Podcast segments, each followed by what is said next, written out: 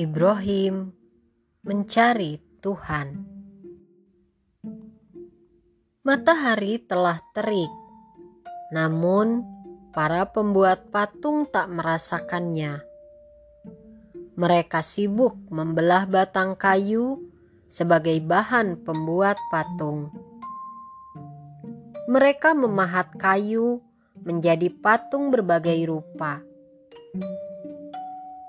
di negeri itu, setiap rumah memiliki patung yang dijadikan sebagai sembahan. Ada yang terbuat dari kayu, batu, dan bahan lainnya. Patung mereka anggap sebagai Tuhan. Sebenarnya rakyat hidup makmur dan sejahtera, tetapi keyakinan mereka masih mengikuti nenek moyang. Mereka menyembah berhala. Patung-patung dijadikan sebagai Tuhan yang mereka puja.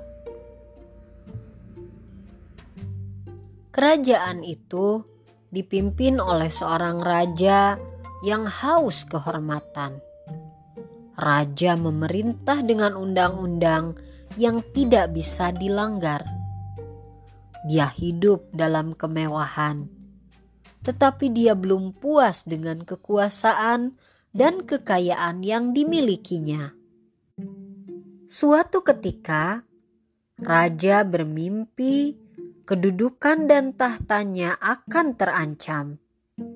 Karena ketakutan, raja memerintahkan untuk menghilangkan nyawa semua bayi laki-laki yang lahir. Kaum laki-laki dan perempuan dipisahkan selama setahun.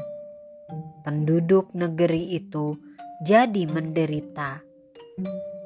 Kuasa Allah Subhanahu wa Ta'ala tidak dapat dihalangi. Pada kondisi itu, ada pasangan suami istri yang akan mempunyai bayi Sang suami bernama Tarikh. Awalnya tidak ada tanda-tanda kehamilan pada istrinya sampai menjelang melahirkan. Setelah lahir, anak tersebut kemudian diberi nama Ibrahim. Kelak, ia akan diangkat Allah Subhanahu wa Ta'ala menjadi nabi. Ibrahim dibesarkan di lingkungan para penyembah berhala, tetapi dia tidak pernah ikut menyembah berhala. Dia tahu berhala hanyalah patung biasa, patung kayu atau batu buatan manusia, patung yang tidak bisa berbuat apa-apa.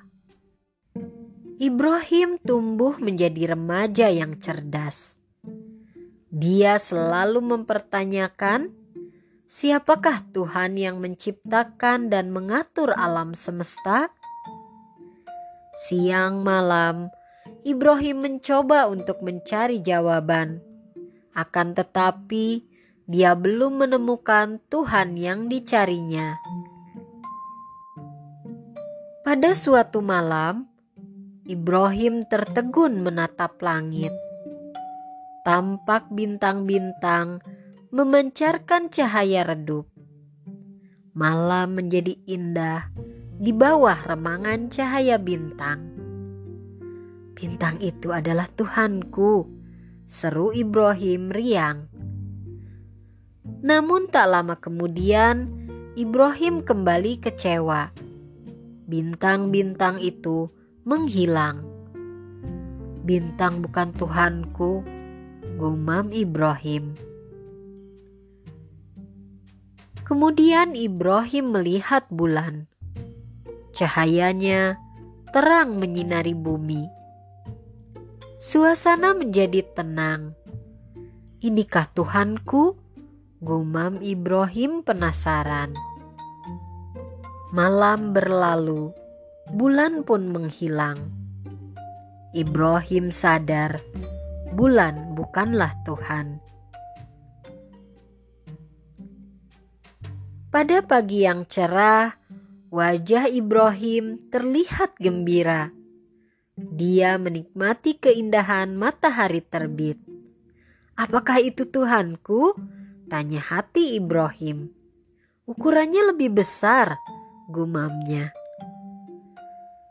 Ketika malam menjelang, matahari pun terbenam. Ibrahim tidak dapat melihat matahari lagi. Hati Ibrahim kembali ragu. Di benaknya, Tuhan adalah sesuatu yang kekal dan tidak akan pernah hilang.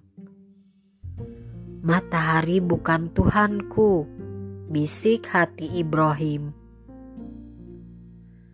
Setelah lelah mencari, apakah Ibrahim tetap yakin adanya Tuhan Pencipta alam semesta?